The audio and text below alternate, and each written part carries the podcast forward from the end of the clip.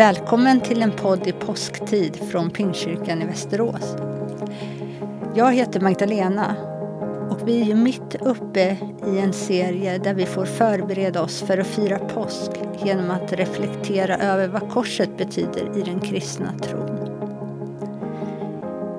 Idag kommer Gunnel att läsa från Romarbrevet 5, vers 1 till 8. Och Daniel kommer att dela några tankar om Guds kärlek. Efter det får vi chansen att reflektera och be tillsammans. Välkommen!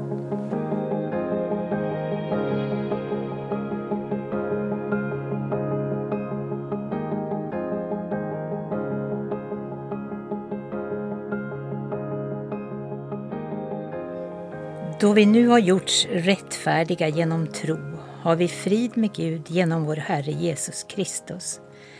Han har gett oss tillträde till den nåd som vi nu lever i och vi är stolta över hoppet att få del av Guds härlighet.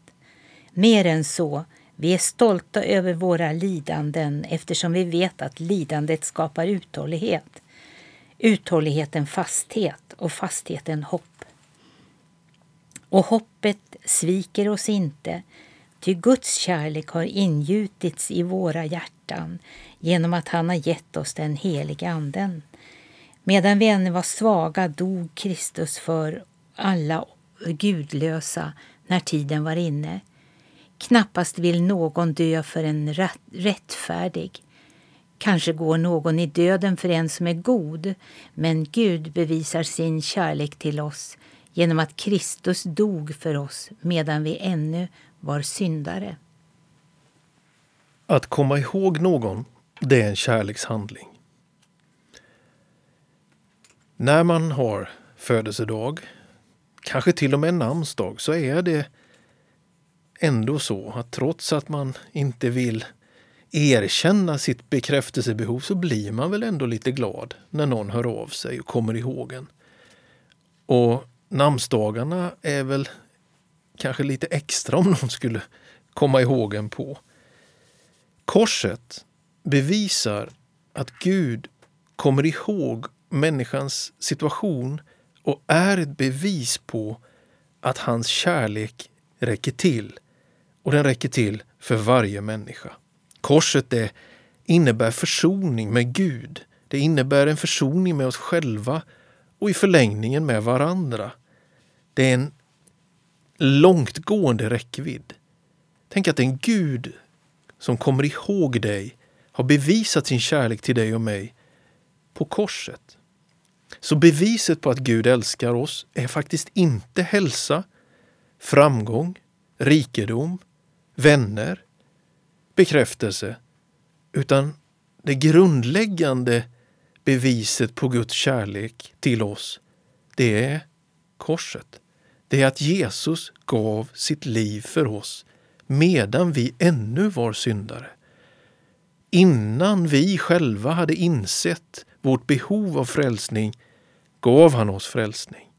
Han kom ihåg oss före vår dag. Han är beviset på att Guds kärlek den är planerad, den är evig, den är bestående och den innebär försoning.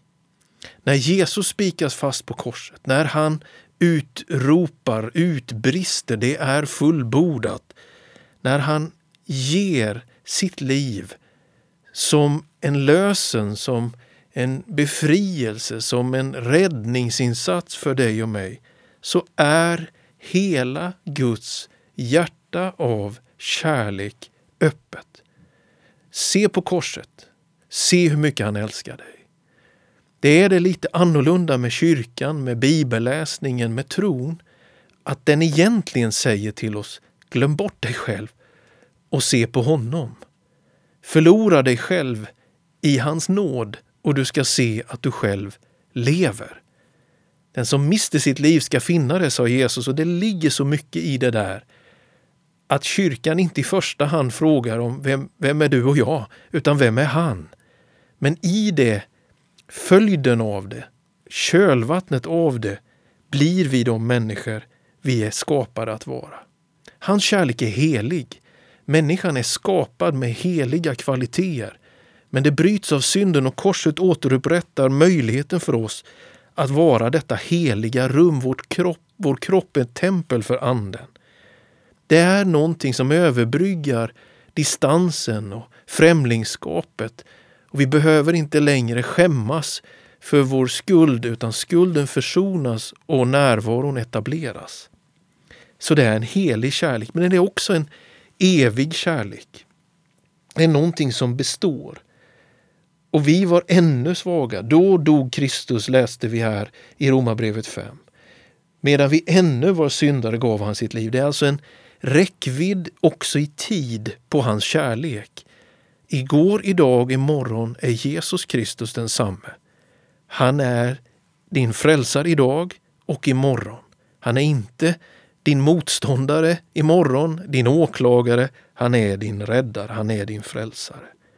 Och det här ger en grundplatta att stå på, att agera ifrån, att hitta glädje i livet och faktiskt detta begrepp som vi använder ibland i våra sammanhang, seger.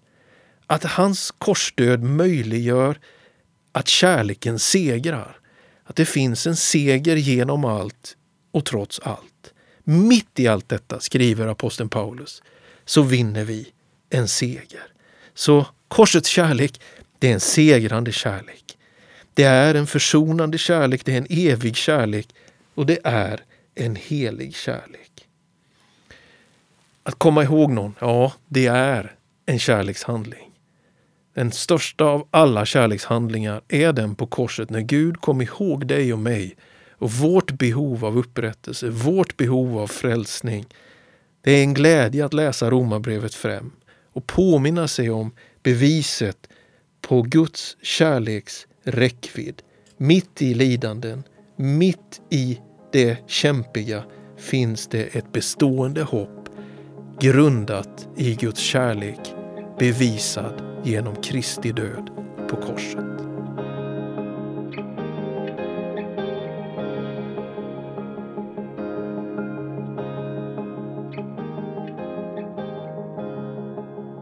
Korset, ett bevis på Guds kärlek till oss.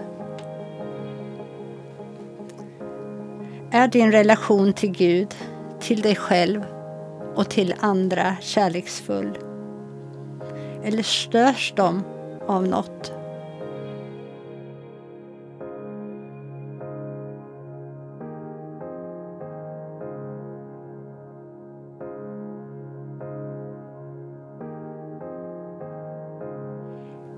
Kan orden i vers 8 i Romarbrevet Gud bevisar sin kärlek till oss genom att Kristus dog för oss medan vi ännu var syndare. Kan de orden få din syn på Gud, dig själv och andra att ändras? Hur?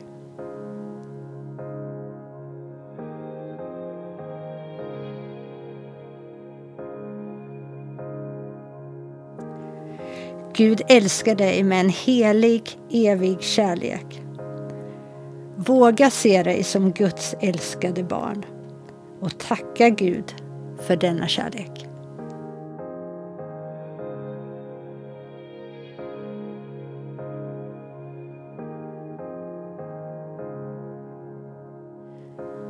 Också dagens uppmaning.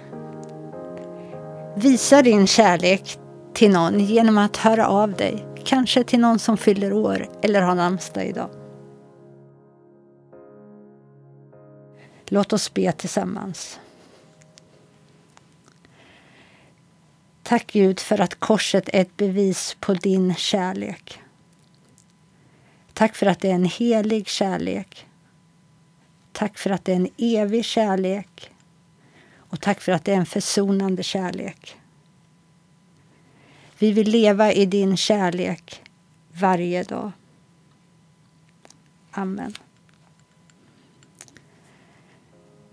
Andakten var av Daniel Alm. Bibeltexten lästes av Gunnel Engström. Och jag heter Magdalena Forsberg.